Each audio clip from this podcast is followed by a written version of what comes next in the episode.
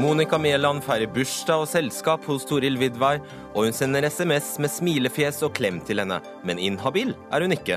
Hva i huleste skal til for å bli inhabil i dette landet? Straffen for voldtekt har blitt så streng at den virker mot sin hensikt og gir færre domfellelser, sier forsvarsadvokater.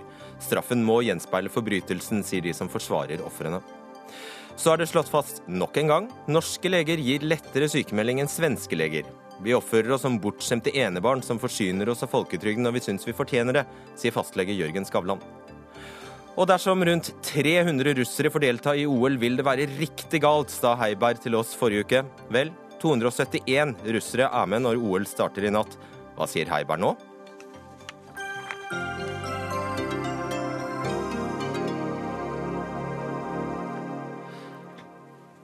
Vi ønsker riktig god kveld og velkommen til ukas siste Dagsnytt 18. Før vi eh, ønsker velkommen til eh, Monica Mæland, næringsminister, så skal vi bare ta med en melding som akkurat har kommet. Og den handler om at eh, prinsesse Märtha Louise og Ari Behn skal skilles. Og vi kommer tilbake til mer om dette i løpet av sendingen. Hun var ikke i nærheten av inhabil da hun utnevnte sin venn Toril Vidvei til styreleder i Statkraft. Og ikke er hun særlig god venn av Vidvei heller, så alt har skjedd etter boka, ifølge Monica Mæland. Bortsett fra en liten glipp med noe arkivering av noen SMS-er. Og forresten, i de SMS-ene skrev næringsministeren smilefjes, klem til sin ikke kjempegode venn. Er det en sånn noenlunde riktig framstilling av saken, Monica Mæland? Jeg syns vel det er en veldig tendensiøs fremstilling okay. av saken. Få korrigere, da. Ja, hvis, eh, hvis, eh, dere leser det jeg har skrevet til Lovavdelingen, så er jeg redegjort for mitt forhold til Toril Vidvei. Jeg har kjent henne i mange år. Vi har vært eh, tilknyttet samme parti, sittet i sentralstyret og møttes i partisammenheng, men aldri privat. Så har vi sittet i regjering sammen i to år, og møttes i den anledning. I tillegg har vi altså møttes fire ganger ganger i private sammenhenger sammen med en lang rekke andre mennesker og representanter fra samfunnslivet. Det er den korrekte fremstilling. Så ser jeg at eh, smilefjes og klem blir brukt som argument, men det er altså ikke det som er vurderingstemaet i forvaltningsloven, og det er den som skal vurderes. Jeg sender smilefjes og klem både til nåværende og tidligere kolleger, til og med til journalister innimellom, eh, så det er ikke noe nytt. Eh, så det viser ikke at dere hadde et spesielt nært vennskap. Smilefjes og klem er du raus med. Vi har hatt et eh, langt forhold i politikken, og vi har hatt et eh, godt arbeidsforhold. Men vi har altså ikke den nærheten privat som dekkes av forvaltningsloven. Du hevder altså at andre kandidater ble vurdert til dette styreledervervet i, i Statkraft. Hvilke da? Jeg har sagt i dag at vi vurderer alltid flere kandidater. Det gjorde vi i denne saken, det gjør vi i andre saker. Ja. Men så er det slik at vi går ikke inn og forteller hvilke vurderinger og hvem vi har vurdert. Det er interne vurderinger som vi gjør, og som er vanlig også ellers i næringslivet. Jeg har lyst til å si at vi har et veldig stort statlig eierskap i, i Norge. Eh, I våre selskaper jobber det 250 000 mennesker. Vi må være profesjonelle. Og skal vi få de beste kandidatene, så kan ikke vi diskutere offentlig hvilke vurderinger Nei, vi gjør. Du kan si hvor mange de var? Nei, jeg kan ikke det. Jeg kan bare si at vi alltid vurderer flere, eh, og så må du tro meg på det. Burde ikke de si titt titt, her er jeg, for å nettopp eh, bekrefte at du snakker sånn? Nei, det syns jeg faktisk ikke. Eh, profesjonelle styremedlemmer vet hvordan vi jobber. Vi har stor tillit i kapitalmarkedet, eh, og vi har tillit i, at vi gjør en veldig grundig og langvarig jobb når det gjelder å utnevne styremedlemmer. Var du i personlig kontakt med noen av disse andre kandidatene? Det er slik at Jeg var i kontakt med Toril Vidvei, og det har jeg redegjort for allerede for 14 dager. fortalte jeg NRK eh, at jeg tok kontakt med henne når hun gikk ja, det vet vi, men de andre. som regjering. Nei, men jeg sa òg til NRK da, og jeg sier igjen, det var helt naturlig for meg å ta kontakt fordi jeg kjente henne. Men det å kjenne noen betyr altså ikke at man er inhabil. Da har hun hatt et fortrinn? I lovens forstand. Jeg vet ikke hva du mener med fortrinn. Ja, hvis, var... får, hvis, hvis, statsråden er i direkte kontakt med én av kandidatene, så vil jo den kandidaten selvfølgelig ha et fortrinn. Ja, nå er det jo slik at jeg kjente Toril Vidvei. Eh, jeg kjente hennes kompetanse, eh, og det var òg grunnlaget for jeg ønsket å eh, forhøre meg om hun var aktuell for bl.a. dette styrevervet. Når bestemte du deg for at Toril Vidvei skulle få den jobben? Hun ble spurt om å bli styreleder midt i juni, men etter påske, etter at vi hadde jobbet med denne saken i noen måneder, og andre saker òg, i Statkraft-styret ble det gjort ganske store endringer etter grundige vurderinger. Etter påske tok jeg kontakt og forhørte meg om hun kunne være aktuell for denne eh, vurderingen. Det sa hun ja til. Men hun ble spurt i midten av juni, etter at vi hadde hatt enda noen måneders grundige vurderinger av dette. Og det er så mange, Nå husker jeg ikke helt når påsken var, men det mange mange lurer på i dag, er jo nettopp om du hadde bestemt det allerede i april. Og i de, en av de SMS-ene som, som, du offentliggjorde i dag, skriver altså Toril Lydvei den 21. april. Litt formaliteter her. Jeg må sende karanteneutvalget en melding om det når jeg er innstilt. Hvorfor skulle Vidvei skrive 'når', og ikke 'dersom' hun ble innstilt? Ja, det er slik at Vi har eh, jobbet med dette i flere måneder. og På det tidspunktet har jeg tatt kontakt med henne for å få høre meg om hun kunne være aktuell til å bli vurdert for denne, eh, dette styrevervet. Eh, men det er jo slik at hvis Vidvei skulle oppfatte at beslutningen da var tatt, så ble det i hvert fall oppklart med mitt svar. Nei, det gjorde det ikke. Jo, for der, der svarer jeg hvilken prosess eh, vi er i, og hvilke prosesser skal gå videre. Og Vidvei har sittet i regjering, så hun vet jo veldig godt hva den prosessen innebærer. Men du benytter ikke anledningen til å si nei, vent litt, eh, Vidvei, nå tar du feil, jeg har ikke bestemt meg ennå. Du gjør ikke det? Jeg redegjør for hvor vi er i prosessen, og med hennes kunnskap om hvordan dette foregår, så vet hun veldig godt at det skal skje vurderinger videre. Um, Vidvei var inne til intervju i juni, altså i begynnelsen av juni. Eh, hvorfor var, du, hvorfor var hun det egentlig, hvis eh, du egentlig hadde bestemt deg?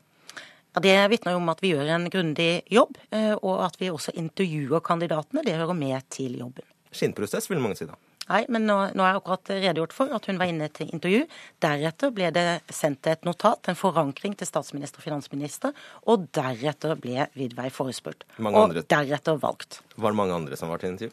Jeg har svart deg tidligere at vi vurderer alltid flere kandidater i disse prosessene som går over mange måneder, men jeg kommer ikke til å gå inn på hvilke interne vurderinger vi har gjort. Nei, Jeg skjønner ikke hvorfor akkurat det må være hemmelig, om det var mange andre til intervju. Nei, jeg skjønner at du er veldig nysgjerrig, men jeg velger altså å være profesjonell.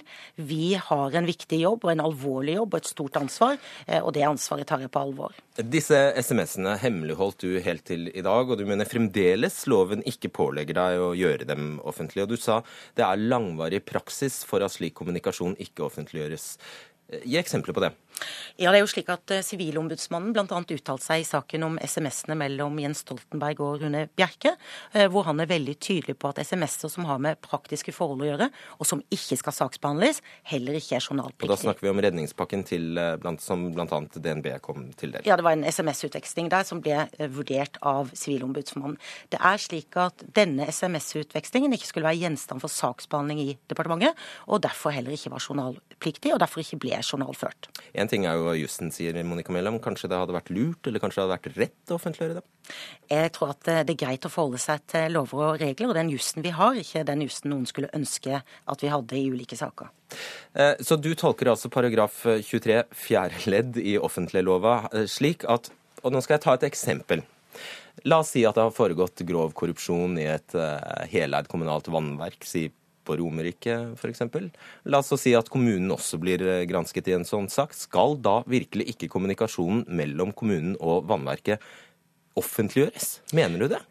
La meg ta en annen sak. Eh, hvis det er slik at vi får en bekymring fra en teiperson knyttet til et av våre selskaper, så er det helt innlysende at en slik bekymring og en slik henvendelse ikke skal være offentlig idet den kommer. Den må vi få undersøke nærmere. Det er òg slik under denne regjering og under tidligere regjeringer at alle sonderinger mot styrekandidater ikke er offentlig når de skjer.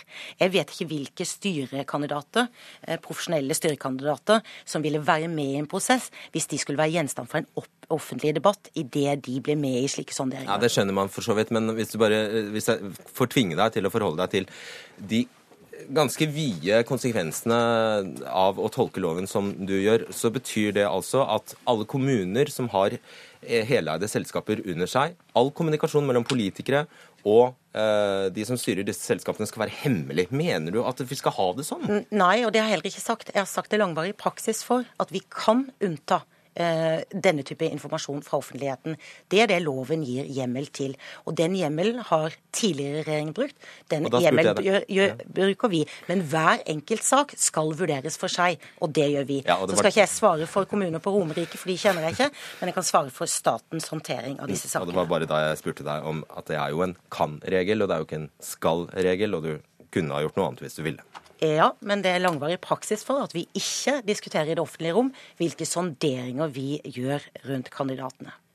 Ålreit, vi skal nå forsøke å besvare to spørsmål. Hvis ikke Monica Mæland er inhabil overfor Toril Vidvei, hvem i dette landet er da inhabile? Og hvis Monica Mæland har lov til å hemmeligholde all korrespondanse mellom alle de 70 statlige selskapene hun styrer over, da kan vel strengt tatt eh, publikum og vi i pressen bare ta kvelden? Hadia Tajik, eh, stortingsrepresentant for eh, Arbeiderpartiet. Har du fått de svarene du trengte svar på i dag? Kan jeg først få gi den rosen til Monica Mæland eh, at vi endelig har fått svar på noen av de sentrale spørsmålene fra de siste dagene. Vi har fått en habilitetsvurdering på bordet, det har vært etterlyst i lengre tid. Vi har fått SMS-ene eh, mellom henne og Toril Vidvei på bordet, de har òg vært etterlyst i lengre tid. Nå er det likevel sånn at eh, de SMS-ene vi har fått se, de reiser jo òg noen, noen, nye spørsmål. Og et av de sentrale spørsmålene er jo, som også programlederen har pekt på, var det flere kandidater man hadde den type tett og nær kontakt med? Og for det andre eh, hvorfor det er sånn at eh, Toril Vidvei allerede i april eh, så ut til å ha en veldig klar forventning om at hun kom til å bli utnevnt som styreleder i, Statkraft. Hvilken kontakt var det Monica Mæland og Toril Vidvei hadde i forkant av dette, som har bidratt til å skape denne forventningen? Ja, men du, så er jo svarene Jeg har vel brukt ganske mye tid i dag, hvis noen har fulgt med, på å forklare hvilke prosesser vi har hatt, hvilken kontakt jeg har hatt. Det har vært veldig tydelig på. Det som har vært typisk for denne debatten, er jo at Arbeiderpartiet igjen har én politikk i opposisjon og en helt annen i posisjon. Eh, Hadia Tajik har vært ute og sagt at jeg må forklare hvorfor Toril Vidvei ble valgt, og hvorfor Olaf Fjell ikke ble reoppnevnt. Det må jeg slett ikke. På samme måte Giske ikke forklarte i 2010, når han gjorde endringer i Statkraftstyret og endret uh, styreleder, som sto på valg, men som ønsket å fortsette. Uh, Arbeiderpartiet var da veldig fornøyd med den begrunnelsen som ble gitt, som var helt generell og helt i tråd med det som er praksis. I dag har de en annen oppfatning. Og sånn kan vi rett og slett slett ikke ha det. Vi må ha forutsigbarhet i eierskapspolitikken, eh, og vi må ha rammer rundt dette så alle er enige om. La meg gripe ta, vent litt, Det er jo faktisk en kjensgjerning at om Mæland hadde villet, eh, så kunne hun faktisk bare sagt vet du hva, jeg foretrekker Toril Vidvei, ja. sånn er det. Og jeg tar henne. Det blir henne. Mæland har sjøl satt seg i en situasjon som gjør at det har blitt reist spørsmål omkring hennes vurdering og hennes håndtering av denne konkrete saken. Og fortsatt er det spørsmål som knytter seg til prosessen.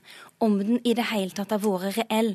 Når kontakten åpen, åpenbart har vært tett og nær med én kandidat, uten at vi får noen som helst indikasjon på at det har vært like tett og nær kontakt med noen annen kandidat. Denne kandidaten, som da til slutt ender opp med å bli styreleder i Statkraft, har tydeligvis òg forventningen om å bli utnevnt allerede i april. Altså, Mæland må tåle at disse spørsmålene blir stilt, og hun må nok òg svare på dem. fordi så langt er det vi får høre, er at Mæland tidlig tok kontakt med Vidvei for å høre om hun var aktuell til ulike verv. Det er en generell henvendelse. Det tror jeg man må regne med at statsråder gjør. altså De hører med litt ulike aktuelle personer om de kunne tenke seg verv. Men det det er snakk om her, er at Mæland har fulgt opp Toril Vidvei tett gjennom hele prosessen knytta til Statkraft. Det er det vi er kritiske til. Er det da en reell prosess overfor de andre kandidatene? Dette er jo helt ville spekulasjoner. Igjen så spinner Arbeiderpartiet rundt opplysninger som de eh, eh, ikke har. Jeg har redegjort for min kontakt med henne. Jeg har redegjort for at jeg tok kontakt etter påske etter at vi hadde hatt grundige vurderinger. Ja, men, men, og så mellom... finnes det to SMS-er. Eh, og det er også helt naturlig at jeg har til en jeg kjenner, men, og som jeg har sittet i regjering med. Men, jeg må, jeg må si, det er jo ikke slik at det gjør meg inhabil. Og Nei, nå syns jeg også både NRK og Arbeiderpartiet forslår seg til ro med at Lovavdelingen også har eh, gjort det. dette klart. Men jeg vil bare eh, eh, påpeke, det er jo grunnen til at dette har blitt en sak. Hadde du bare sagt vet du hva, jeg foretrekker, jeg foretrekker Toril Vidvei, og sånn er det, og jeg bestemmer, så hadde ikke dette vært noen, noe problem. Men det du i stedet gjør, er å påstå at nei, det har jeg... vært en prosess, og ja, den har vært ryddig og sånt ja, ja. noe. Og så blir det stilt spørsmål om hvor ryddig den uh, har vært. Du kunne jo ha gjort det første. Ja da, det er jeg som peker ut styret i Statkraft, og det har jeg gjort. Og jeg har innstilt Toril Vidvei til det vervet. Så har jeg redegjort for hvordan den prosessen har vært. Så velger man å spekulere i de opplysningene jeg har gitt. Det kan ikke jeg gjøre så mye med. Jeg kan holde fast på hvordan denne prosessen har vært. Den har vært på samme måte som i alle andre saker, og like grundig som i andre saker. Right. Jan Fridtjof Bernt, du er jusprofessor ved Universitetet i Bergen. La oss ta dette med eh, habilitet. Burde Monica Mæland ha spurt på forhånd om habiliteten? Altså spurt eh, Justisdepartementets lovavdeling på forhånd? Det er jo litt avhengig av vi nå spør om hva som er juridisk nødvendig, eller hva som hadde vært politisk klokt. Og jeg får kanskje si Som jurist så må jeg bare grunnen si at jeg slutter meg til det som har vært sagt fra Lovavdelingen, at eh, det, i denne situasjonen her så var ikke Monica Mæland inhabil slik som inhabilitetsreglene har blitt forstått og praktisert eh, siden loven ble vedtatt. Så noe juridisk eh, krav om at hun skulle gjøre dette, det var det ikke. Så kan man selvfølgelig spørre om det hadde vært smart å få denne avklaringen i forkant. Så har man unngått denne prosessen som vi er nå oppe i, som jo er ubehagelig for alle parter. Da må jeg bare, og Dette er en gjentagende diskusjon, som Mæland påpeker. Det er ikke første gang vi har denne, denne diskusjonen. Hva skal til i dette landet for å bli inhabil? Ja, altså, det er jo et spørsmål ganske enkelt om hvor streng vi vil være når det gjelder krav til at man er fullstendig uhildet og uten noen forbindelse med den som en sak gjelder. Og eh, Det er en avveining av motstående interesser. og eh, Da vi fikk vår nåværende forvaltningslov, som jo er snart 15 år, eh, så ble dette diskutert, og man valgte å legge seg på en linje hvor man la terskel veldig høyt før man ville si at det forelå inhabilitet. Eh, og så eh, er vel kanskje tiden inne nå, da, etter alle disse årene ut fra en rekke episoder, å ta opp en ny diskusjon om ikke dette her er å stille for små krav til ryddighet og integritet og atskilthet når det gjelder offentlige beslutningsprosesser. Ja, Da er jeg fristet til å rett og slett spørre deg, Mæland. Syns du loven, fordi det, det Lovavdelingen Eh, sier, er at dere måtte ha vært kjempegode venner, sånn skikkelig nære venner, for at dette skulle være problematisk. Syns du loven er, eh, syns du loven er for snill? Det er ikke bare vi som måtte vært det, det gjelder faktisk alle. Eh, ja, det, jeg vet at loven praksisen, er ikke til for akkurat bare deg. Nettopp, ja. og det er loven vi må følge. Ikke den loven vi skulle ønske vi hadde, men den loven vi har. Og ja, det men hva syns du om loven? Og da er det meg som skal gjøre habilitetsvurderingen. Den har jeg gjort. Men eh, det er slik, eh, når professor Bernt nå argumenterer for strammere rammer, så er det jo slik at det er satt ned et lovutvalg som ser eh, på forvaltningsloven ledet av Inge Lohan Bakker. Og vi får jo se hva de anbefaler. Hva syns du Hadia Tajik, om forvaltningslovens paragraf 6, habilitet? Denne saken viser kanskje ganske tydelig at det er forskjell på juss og politikk. Og sagt på en litt folkelig måte, Mæland får nesten tilgi meg, men det er altså mulig å holde seg fullt ut innenfor eh, lover og regler og likevel opptre som en luring og en lurifaks, uten at jeg dermed sier at det er det som har skjedd i denne sammenhengen. Men det det illustrerer, er at det som er juridisk lovlig, likevel kan være politisk uklokt, egnet til å skape mistillit og bidra til uryddige prosesser. Og det er det som bekymrer meg, at kan ha skjedd i denne saken her. Jeg har bare lyst til å bringe et annet. Altså, vi har vært i kontakt med Justisdepartementets uh, lovavdeling i dag, og du har jo sagt at du i akkurat denne At du er du er erklært, eh, du er erklært eh, habil, Mæland. Vi skal høre hva fungerende lovrådgiver i Lovavdelingen, Marte Dysland, sier om vurderingen de har gjort på din forespørsel. Har Lovavdelingen vurdert om Monica Mæland var habil da hun utnevnte Toril Vidveis til styreleder i Statskraft? Vår vurdering går på de habilitetsspørsmål som eventuelt oppstår fremover. Og vi har da ikke vurdert eh, situasjoner som, som har eh, skjedd, eh, herunder da den utnevnelsesprosessen. Ok, Så i den helt konkrete saken i utnevnelsen så har dere ikke vurdert Monica Mæland sin habilitet? Det stemmer. Og, og Bernt, det er visst slik det foregår. Eh, hvorfor det? Ja, Slik må det nesten være når vi snakker om en avdeling innenfor et departement, som jo er Lovavdelingen. Lovavdelingen er eh, i bunn og grunn departementenes og regjeringens rådgivende organ, det de skal henvende seg til. Og råd ber man jo gjerne om før man har foretatt seg noe, ikke i etterkant. Med andre ord, Lovavdelingen vil være veldig ukomfortabel hvis den blir bedt om å ta stilling til om hvorvidt en konkret handling fra en statsråd eller andre i departementene eh, var lovlig når den allerede er gjort. Mm. Men det betyr også f.eks. Mellom, for du viste ikke Lovavdelingen disse SMS-ene, f.eks. Eh, det, det betyr at de har ikke tatt stilling til akkurat denne saken? Jeg oppfatter at vi i vår henvendelse til Lovavdelingen viste til utnevningen av Toril Vidvei som begrunnelse for henvendelse og den debatten som oppsto. Og så var vi jo tydelige på at det gjaldt min håndtering videre. Det er jo relativt spekulativt, må jeg si, å skulle mene at jeg har ett forhold til Toril Vidvei 29.6 og et helt annet forhold til henne i dag. Det har altså ikke skjedd noe i vårt forhold som gjør at min habilitet Dere kan jo ha blitt bedre venner i mellomtiden, da? Ja, og det har vi altså ikke. Nei, så jeg syns dette, dette, er en longshot, altså. Ja. Eh, Selv til NRK å være. Eh, la oss ta det andre, Jan Fridtjof Bernt. Altså dette med offentliglova. Eh, og her er det altså snakk om disse SMS-ene som, som, statsråden insisterer på er, er riktig skal uh, unntas offentlighet. Har hun rett i denne tolkningen? Nei, Jeg er jo klart uenig i dette. og Det er jo litt interessant å se de neste ballettøvelsene som man har foretatt fra departementets side. Hvor man først lanserer et, en helt åpenbart uholdbar begrunnelse at dette var et internt dokument. Og så går det en tid, og nå kommer det opp en henvisning til en ganske obskur og nokså vanskelig forståelig bestemmelse i offentlige lover. Den har mange slike, eh, som da skulle føre til det samme resultat. Men eh, igjen, jeg kan ikke si at man her har gjort skikkelig juridisk eh, håndverk, for dette er en bestemmelse som ikke tar sikte på denne type situasjoner i det hele tatt.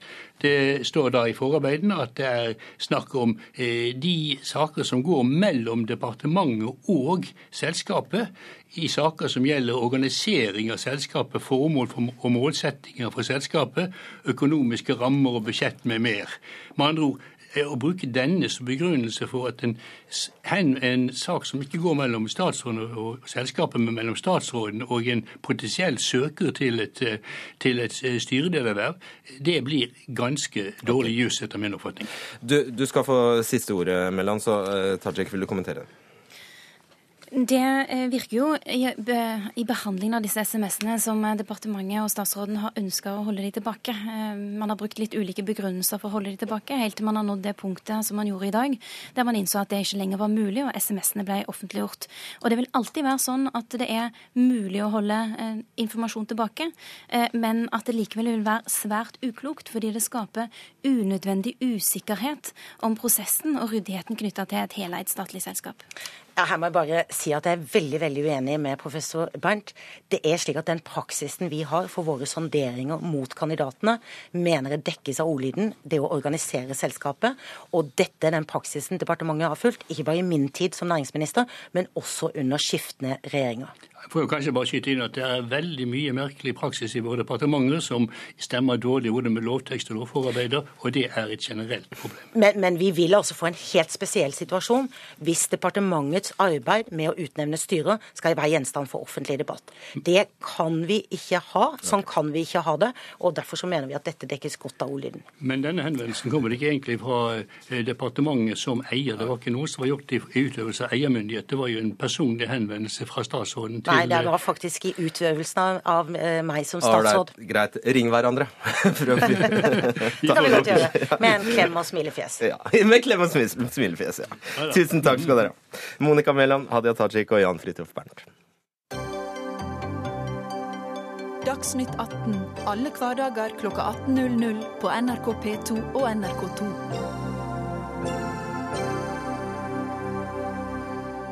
Ja, Da skal jeg bare nok en gang eh, minne om at vi skal tilbake altså til den uh, meldingen som kom rett før vi gikk på lufta, om at Ari Behn og prinsesse Märtha Louise skal skilles. Vi kommer tilbake til det.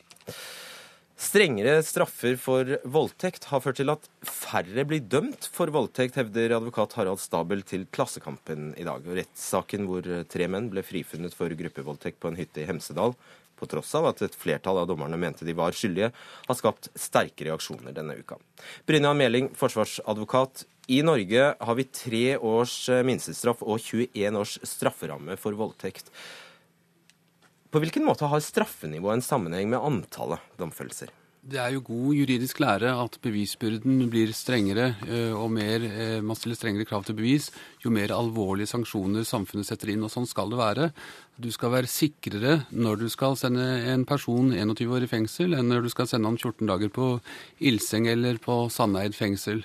Eh, og sånn sett så er dette et villet et villet system, men det kan også føre til da, uheldige konsekvenser ved at folk da blir mer eh, tilbaketrukket med tanke på å dømme i forhold til de konsekvensene de får. Eh, og Det er nok Harald Stabels poeng i, i, det han har sagt til Klassekampen. Og når du sier eh, Ja, du gjentar jo for så vidt argument, argumentasjonen hans. Jeg regner med du har tall og statistikk som underbygger dette?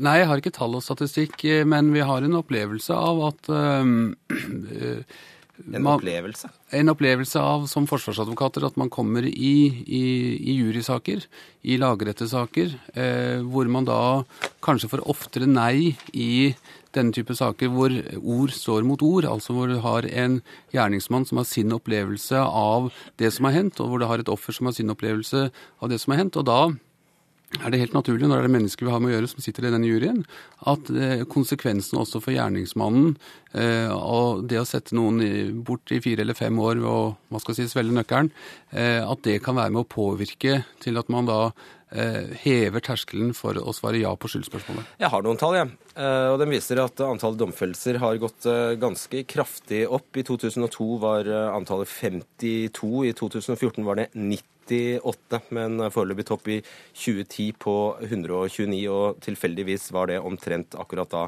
eh, minstestraffen her ble økt. Ja, De tallene sier jo ikke noe hvis ikke du også har tallene hvor mange frifinnelser du har hatt i samme perioden, og eh, hvilke saker som er blitt ført. Eh, for ja, har frifinnelser. Eh, vi har jo en sak da, Det er en situasjon hvor eh, dette har vært et prioritert område både for politiet og eh, pålegg både fra riksadvokat og politiske myndigheter om å prioritere disse sakene. Mm. Altså, Siden du etterlyste det, 30% av voldtektsrettssakene ender, ender, med frifinnelse, viser en Kripos-rapport fra 2015. og vel merke så har vi ikke de samtalene for alle disse årene. Og Når man da vet at Riksadvokatens rundskriv og pålegg til sine statsadvokater og politiadvokater er at man skal være rimelig sikker på eh, domfellelse når man bringer en sak inn for domstolen, eh, så er det et veldig veldig høyt frifinnelsestall som du nok ikke finner i andre typer saker. Mm. Eh, Berit Jagman, du er bistandsadvokat. Som sagt, én eh, av tre voldtektsrettssaker ender med frifinnelse. I 37 av eh, sakene som ble anket til lagmannsretten, endte det med frifinnelse.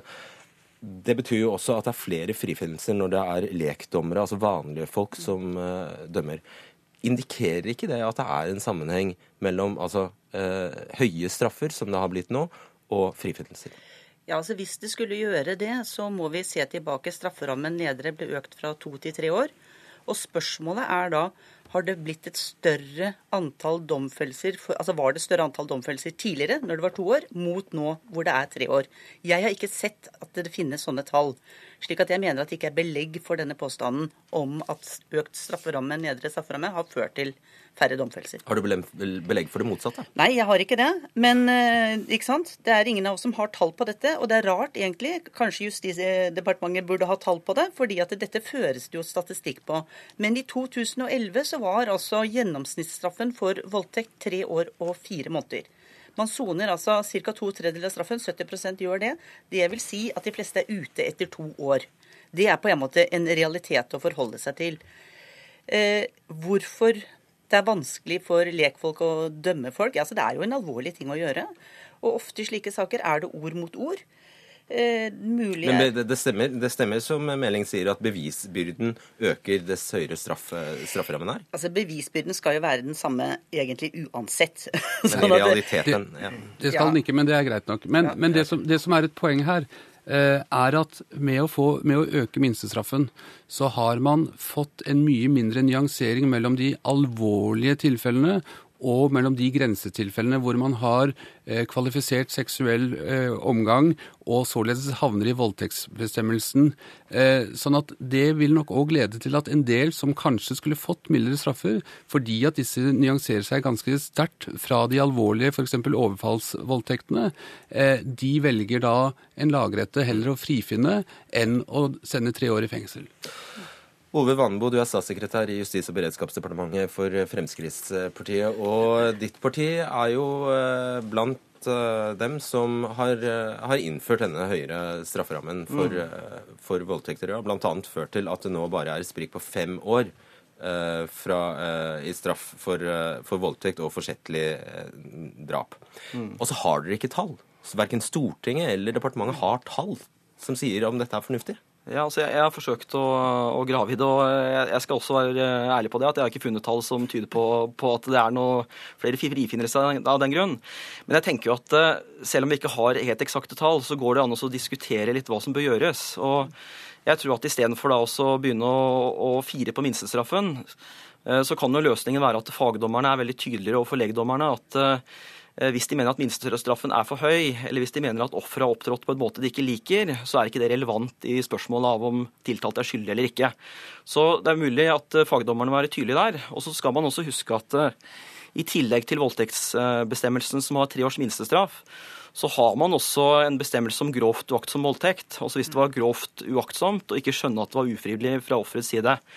Eh, og I de tilfellene her så er det jo ikke minstestraff, og også en lavere strafferamme. Så hvis man Eh, kommer i den situasjonen at man, eh, man er bekymra for at minstestraffen skal, skal, være for høy, så er det også mulig å bruke den bestemmelsen i en del tilfeller. Ja, og det, er, det, det jeg lurer litt på om du faktisk mener, mener du at tre år kan være altfor, altfor, altfor, altfor strengt for noen som har begått en voldtekt? Melding? Eh, jeg mener det, ja. Man har grensetilfeller hvor det ikke er anvendelig å bruke uaktsomhetsbestemmelsen, hvor det rammer veldig hardt. Eh, men det som er problematisk med hele voldtektsbestemmelsen som sådan, er jo at denne i stor grad, og da ser vi bort ifra de rene, klare overfallsvoldtektene, og Jeg har vært både bistandsadvokat og forsvarsadvokat, og jeg er fullstendig overbevist om at begge parter eh, har en klar opplevelse av sin virkelighetsforståelse av det som hendte, er den rette. Og nå er det slik at Disse eh, sakene er jo ikke noe publikumssport. Altså, og det er da de to involverte personene, som regel bare to, vi har jo sett tilfeller siste hvor det har vært flere, som er de eneste som vet hva som har vært foregått. Sånn at Voldtekt er et fryktelig vanskelig tema, eh, som gjør òg at det blir eh, vanskelig for, for uh, de som skal vurdere bevisene, og hvor troverdigheten også blir veldig sentralt. Et annet sentralt spørsmål her, eh, Jagman, er, er jo har disse strengere straffene ført til at situasjonen er bedret for ofrene? Nei, og det er jo det jeg egentlig vil etterlyse i denne debatten. Her er det snakk om belastningen for voldtektsmennene ved å sone en hard straff. Men altså, hvor er spørsmålene om hvordan kvinner opplever disse voldtektene? Altså, Hva er det de soner, og hvordan er deres opplevelse? Er det slik at uh, nachspiel-voldtekter begått av kjente er enklere å takle, enklere Men... å leve med? Og også sett i forhold, tenker jeg, som at uh, der har du en Altså, Den er begått av en venn, kanskje, en de kjenner. Det er altså et brudd på tillit som kommer i tillegg til handlingen. Og jeg synes at Før man snakker om at det er så hard straff for de som har begått overgrepene, så synes jeg hvordan opplever offeret dette? Mener Jagermann at offeret ville fått det bedre, ha det bedre med seg selv hvis han får fire år enn hvis han får to år? Ja, jeg tenker det. For jeg synes at det, altså dette handler om hvordan samfunnet ser på den type forbrytelser. Jeg tenker at voldtektsstraffen er i dag riktig, sett i henhold til andre straffbare handlinger og hvordan vi vurderer det. Og det er det vi må måle det opp mot. Men ikke hvis det er slik, slik eh, det antydes her av eh, Meling og, og, og Stabel, at det faktisk at den, konsekvensen til syvende og sist er færre domfellelser. Kan du ikke mene det? Nei, altså, men jeg er ikke så sikker på om det utgangspunktet er korrekt. Nei, nei, og ingen som stiller ja. dette spørsmålet om minstestraffen for drap er så høy at drapsmenn går fri. Altså, Hvorfor reiser man denne problemstillingen akkurat når det gjelder voldtektssaker? Frp, eh, Frp er jo stort sett alltid for eh, strengere straffer. Finnes det forskning som viser at det er preventivt? Eh, akkurat det, Når det gjelder seksualforbrytelser, så, så, kan det være vanskelig, selvfølgelig, fordi det, det kommer an på hva slags seksualforbrytelse det dreier seg om. Men jeg, jeg tror at det, det, man skal huske, er at straffen har ikke bare en funksjon når det kommer til prevensjon. Det dreier seg også om å markere hva man mener er mest straffverdig. Det er derfor vi f.eks. har en minstestraff på åtte år eh, når det gjelder drap. Og, og bare for å, for å tydeliggjøre hvordan det var før, da det var lavere minstestraffer. Eh, I år 2000 så behandla Høyesterett en sak hvor to menn hadde gjennomført samleie med en sovende kvinne som de hadde drukket alkohol med tidligere på dagen. Eh, det er det man vil kalle en, eh, en sovevoldtekt, litt forenklet sagt. I det tilfellet der så var det ikke minstestraff, og de ble dømt til 120 dagers ubetinga fengsel. Eh, det samme gjaldt også de mer ordinære voldtektene, hvor gjennomsnittsstraffen lå på rundt to år. Og Det var også grunnen til at man gjorde noe med det. Så man kan selvfølgelig kritisere om, eh, om det er preventivt og, og, hvordan det fungerer, men det dreier seg også å markere at dette er noe av det mest alvorlige, og da skal vi slå hardt ned på det. Mm.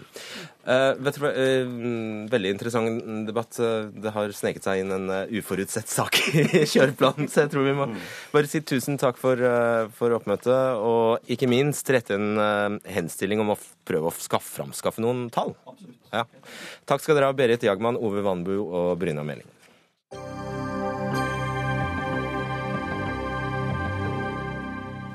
For da skal vi altså tilbake til nyheten om at prinsesse Märtha Louise og Ari Behn har bestemt seg for å gå fra hverandre. Redaktør i Aftenposten Harald Stanghelle, hva mer vet vi om denne nyheten?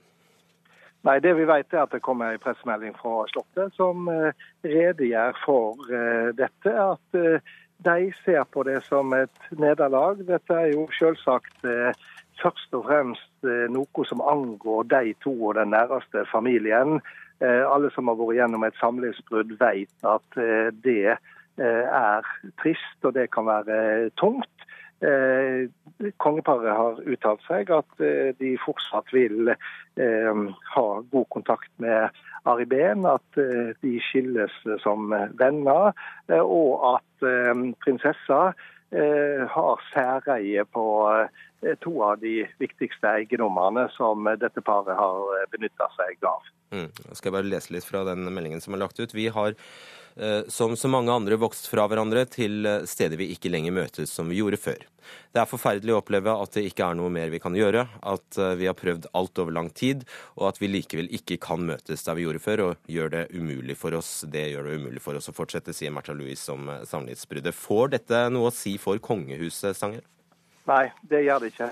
Eh, konstitusjonelt så har ikke dette noe eh, betydning.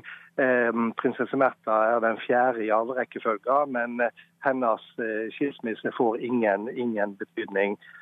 Ser vi litt rundt oss på Europas kongehus, så ser vi at det er skilsmisser i, i, flere av de. Det danske, den spanske dronninga er tidligere gift. og For ikke å snakke om det engelske kongehuset, der skilsmisser snarere er regelen enn en, en unntaket.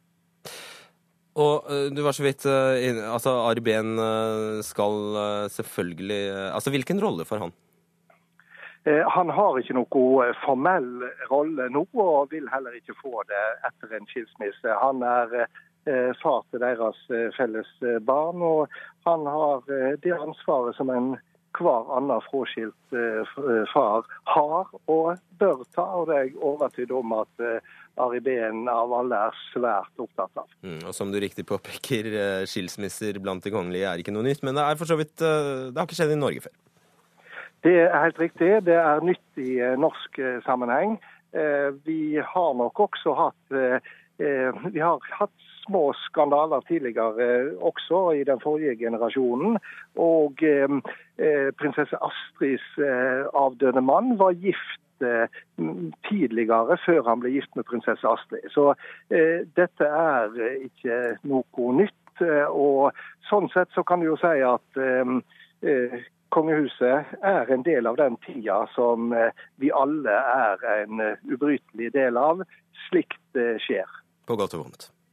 På godt og vondt så skjer det. Det er ikke kanskje så mye godt når det gjelder skilsmisse. Og først og fremst så er dette ei, ei, ei personlig sak for, for deg, selv om det ikke kan være lett når en er inne i livsturbulens og har så mye søkelys på seg som disse to har. Ja. 14 år eh, varte ekteskapet. De giftet seg, Merte, prinsesse Märtha Louise og Ari Behn, i Nidarosdomen i Trondheim eh, 24. mai i 2002. Takk skal du ha, Harald Stangele. Hør Dagsnytt 18 når du vil. Radio NRK.no. Norge har verdens høyeste sykefravær, verdens beste sykelønn, og nå er det slått fast nok en gang. Norske leger tyr lettere til sykemelding i møte med sine pasienter enn det legekolleger i Sverige og Nederland gjør. De er strengere der. Det kommer fram av en ny studie NRK omtalte i morges, hvor 265 leger fra Norge, Danmark, Sverige, Nederland og Frankrike har eh, bedømt de samme ni pasientene som de har sett på video. Ganske fascinerende eksperiment, om jeg får si det. Erik Werner, du er lege og forsker og ansvarlig for denne undersøkelsen. Eh, altså, altså Du brukte skuespillere som eh, fikk spilt inn troverdige pasient-lege-situasjoner. Og hva da? Ja, de var ikke bare troverdige. De, de var, var eh, ekte ja. pasienter. Som var eh, tatt opp eh, på et norsk eh, legekontor.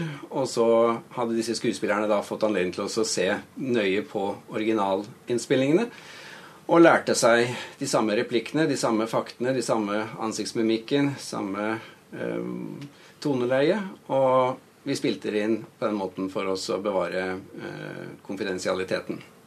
Ganske kult, da, men hva, um, hva Ja, Vi vet ikke om at dette er gjort noe annet sted i verden tidligere.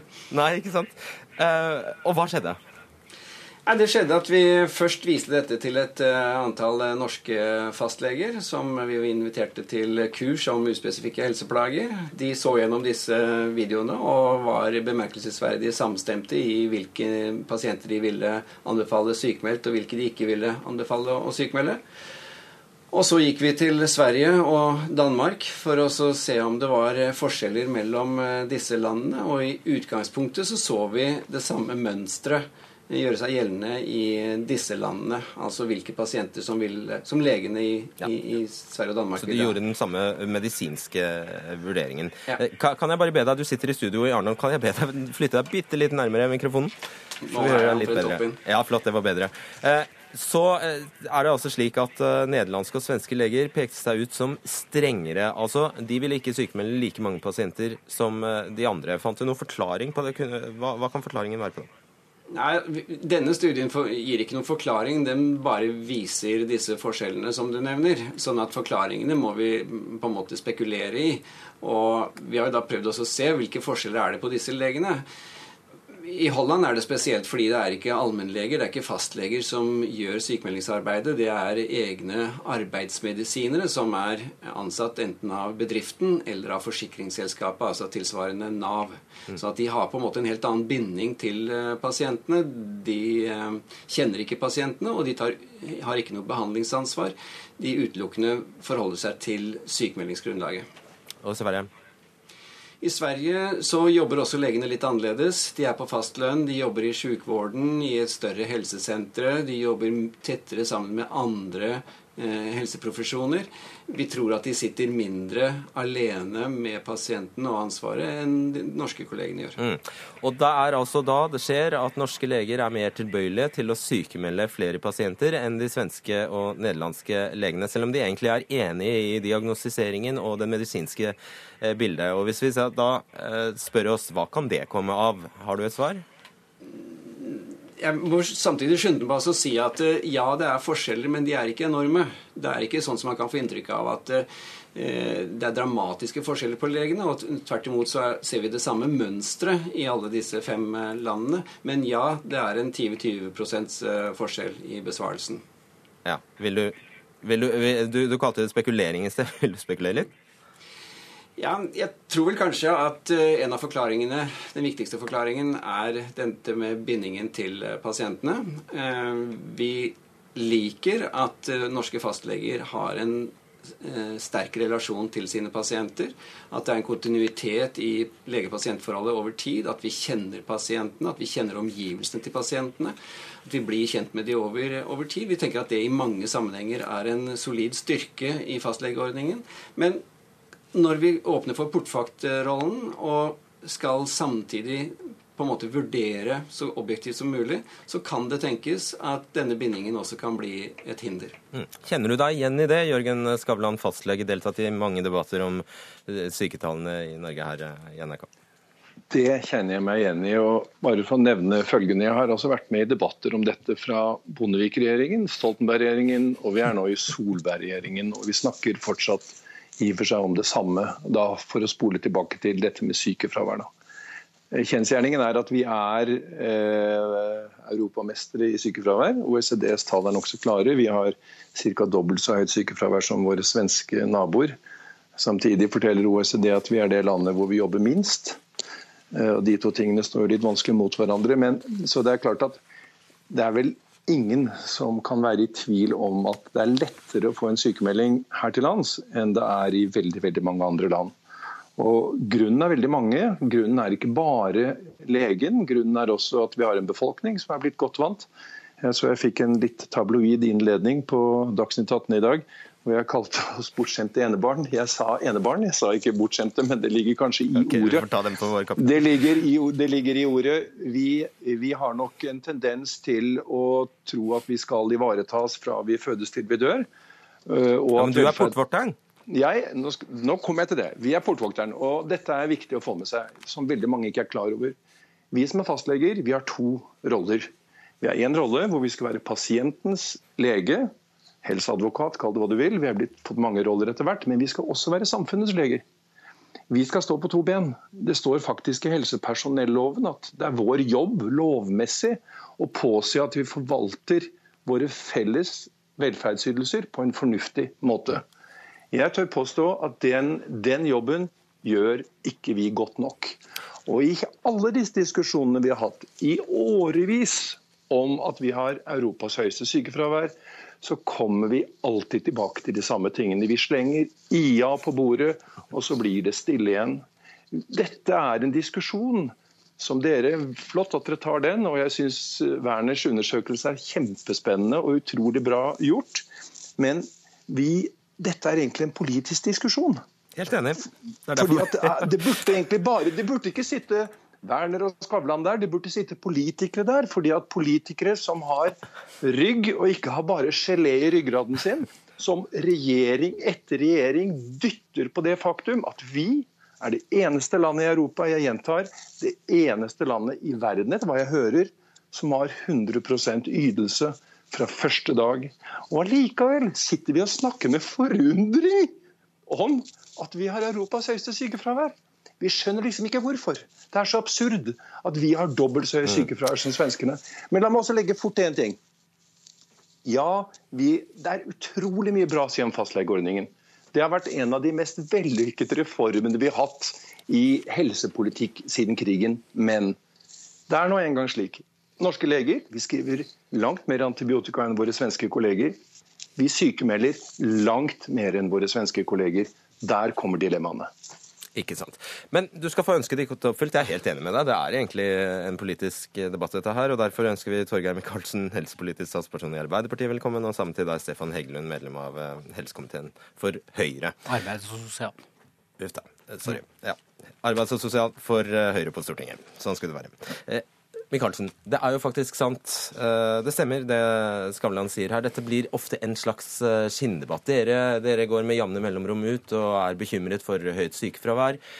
Og så skjer det faktisk omtrent ingenting som hadde monnet. Men dere gjør som, eh, som Skavlan sier, klasker denne IA-avtalen på bordet og diskuterer sånne ting. Jeg er, ikke enig, eller jeg er enig i at fraværet er for høyt, og jeg er enig i at det er vanskeliggjørende med det. Men jeg er ikke enig i den kuren han forskriver da, som som lege, rett og slett fordi han ikke tar høyde for at eh, arbeidsmarkedet i Norge er sammensatt på den måten det er satt sammen, og at det vil få ganske dramatiske, rett og slett brutale konsekvenser i et så rikt land som Norge, der vi helt riktig har bevilget oss å ha rause ordninger for bl.a. lønn under sykdom. Eh, men for enkelte grupper vil det være veldig dramatisk hvis man da skulle gjøre noe med dette. Men har vi for høyt fravær? Eh, ja, det mener jeg vi har. Eh, men, men, men det betyr ikke at, vi har, at fraværet nødvendigvis blir blitt veldig mye lavere, i hvert fall offisielt, hvis man hadde gjort det Skavlan forskriver. Fordi det er mange andre land som ikke har den type ordninger som vi har, har jo andre grupper som da står enten på utsiden helt av arbeidsmarkedet, har veldig store problemer med å komme inn. Så jeg bare tror at ja, dette er kompleks, ja, det er vanskelig, men vi må ikke slutte å tro at den eneste løsningen på dette er at vi må kutte i sykelønnsordningen. Det blir for enkelt. Stefan, ja, men det er vel kanskje, Poenget hans er vel kanskje at det er den eneste løsningen som ikke er prøvd? Nei, det er jeg ikke, det er, det er jeg ikke enig i. Jeg har lyst til å spørre Jørgen Skavlan om nei, nei, nei, For da får ikke Stefan Høylund slippe til i det hele tatt, og det skal han jo. Eh, du, Et utvalg i Oslo Høyre ville redusere sykelønna til 70% i 2013. Hvor ble det av det forslaget?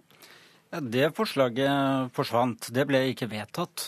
Det er fordi at i Høyre så har vi respekt for IA-avtalen. Jeg hører jo at man eh, snakker om IA-avtalen eh, på en måte her som at det kanskje ikke er så viktig, men IA-avtalen er en veldig viktig avtale i norsk arbeidsliv som vi skal være veldig glad for at eh, vi har. Og det både nyter du, Fredrik Solvang, godt av, og alle andre som jobber i Norge nyter godt av IA-avtalen. Men så er det ingen tvil om at sykefraværet i Norge er for høyt. Og Det er jo grunnen til at eh, vi har eh, reforhandlet i avtalen, gjort eh, sykefraværsoppfølgingen mindre byråkratisk, slik at man kan bruke mer tid på det som er viktig, nemlig å bli frisk. Og så har vi gjort noen andre ting som man har sett gode resultater av i andre land. F.eks. så har vi nå innført en forsøksordning med ny medisinsk vurdering etter seks måneder. Det er jo nettopp fordi at uh, hvis man er sykemeldt mer enn seks måneder, så er eh, sjansen for å komme tilbake i arbeidslivet bare 50% og Derfor er det viktig, tror vi, med en ny medisinsk vurdering etter seks måneder. I tillegg så har man da utarbeidet, i samarbeid med Legeforeningen, beslutningsstøttesystem for sykemeldere. Og Det er et utrolig viktig forslag, for det er ikke bare mellom land sykemelding varierer. Det varierer også i Norge. Beslutningsstøtte, unnskyld. Ja, jeg skal forklare hva det er. Det varierer nemlig også i Norge hvor lang sykemelding man får for like plager. Eh, og Derfor har man laget et system i samarbeid med Legeforeningen som skal gi noen veiledende normer for hvor lenge man skal være sykemeldt for ulike plager. Okay. Og Dette har man sett gode resultater av, f.eks. i Sverige. Skavlan, du stønner. For det er fordi jeg har hørt dette nå i, gjennom tre regjeringer. og Når vi sitter og hører på politikerne nå, så hører jeg akkurat den samme argumenteringen, akkurat de samme poengene, nye forslag. Og jeg kan garantere at det kommer ikke til å skje noen ting med det. Kom med et forslag, fort forslag. Det har vært lagt frem. Det ble jo en liten katastrofe med Pølsehansen den gangen, hvor han foreslo at arbeidsgivere skal ta et større ansvar. Jeg er selv arbeidsgiver for å være helt ærlig, Når jeg har en av mine ansatte som er borte, så er vi veldig flinke i 16 dager. Vi er veldig flinke i 16 dager. Når 16 dager har gått, har staten ansvaret, og vi må fortsette med vår jobb. Hvorfor skal ikke arbeidsgiver ha et ansvar? La oss si at de tar 40% ansvar for sykeutgiftene okay. i et halvt år. Gjerne da for mindre arbeidsgiveravgift, slik at det kommer nesten som et nullspill. Men at du dytter ansvaret over til der hvor ansvaret burde ligge. Det burde ligge hos arbeidsgivere. Det burde ikke ligge ja. hos fastleger og hos alle de andre. Og det burde jo være spiselig forslag også for dere i Arbeiderpartiet? Ja, altså, vi har jo forsøkt å foreslå det før, og det ble ikke akkurat noe uh, jubel, for å si det forsiktig. Uh, og jeg tror at det er lurt at disse tingene nå uh, diskuteres i det såkalte trepartssamarbeidet. så Derfor har jeg ikke tenkt å åpne for det. Men jeg har lyst til å foreslå et annet forslag i, som, som, som Jørgen Skavlan kanskje kunne kommentere. Jeg nei, tror, det kan han faktisk ikke. Jeg tror, nei, okay. jeg tror, nemlig at eh, det som hadde hatt effekt, det var om leger som deg, Skavlan, og andre på kontoret, i kommunen, i landet, hadde samtalt og revidert hverandres praksis i større grad enn i dag. For er det én ting leger er opptatt av, så er det hva andre leger syns om praksisen sin. Og det kunne vært et virkningsfullt eh, forslag. Ok, dere skal... Helt enig. Ja. Eh, hvis, du, hvis ti sekunder-regelen? Ja, Det kan jeg ikke love, men det jeg kan eh, si er at det forslaget fra Skavlan er veldig interessant. Og det er en diskusjon som vi har i Høyre i forbindelse med programprosessen. Og det ble veldig dårlig mottatt av Arbeiderpartiet, helt riktig, men partene tok det faktisk ganske godt imot. Så det blir interessant å se utviklingen av det. Tusen takk skal alle sammen ha.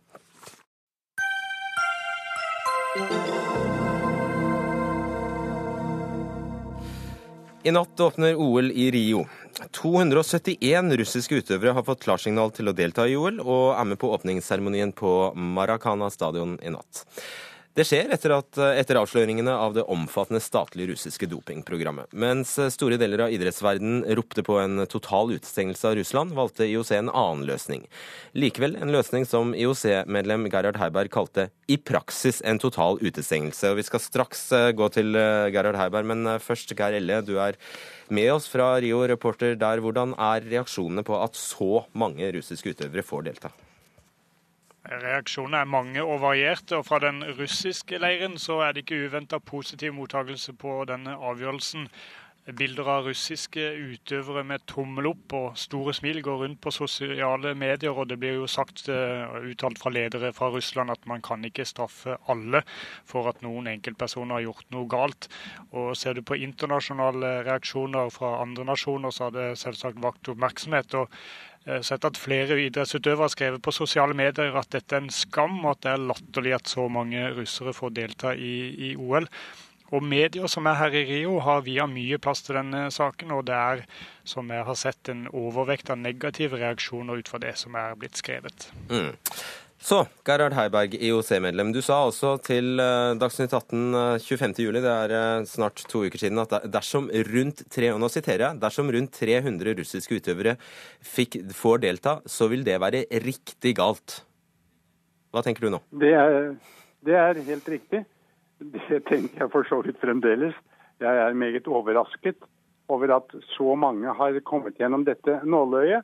Men på den annen side syns jeg det er positivt. Det viser at det er en rekke russiske utøvere som etter å ha blitt virkelig undersøkt når det gjelder dette med doping, er rene. Vi har jo gått inn for å si at vi skal beskytte de rene utøvere. Dette er en menneskerettighet. Så Derfor hadde vi litt, et litt annet syn enn å utelukke alle. Så ja, jeg er overrasket, men samtidig så syns jeg det er hyggelig å se at mange russiske utøvere har ikke vært blandet inn i dopingproblematikken. Men da må, unnskyld meg, da, Heiberg. Ja, men hvis Ok, da må jo du beklage overfor russerne at du forhåndsdømte dem basert på fordommer og antakelser. Nei, det syns jeg ikke.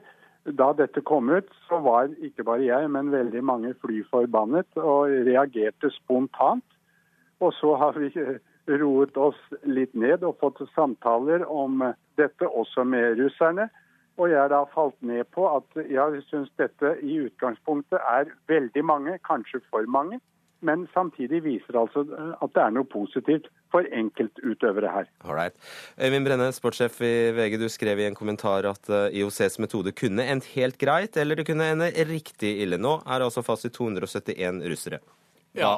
Vil du si det betyr? Ja, det er, eh, det er flaut for OL, eh, og det viser at IOC har vært altfor snille med dem. Og når man snakker om at de er rene, så ja, det kan at de akkurat nå leverer rene dopingprøver, men alle som har litt innsikt i idrett, vet at man doper seg på et program opp, opp mot et mesterskap. Det kan være ni måneder siden de la grunnlaget for å bli gode i Rio, så at de eventuelt klarte å få en ren test nå i siste liten, det er ikke veldig relevant.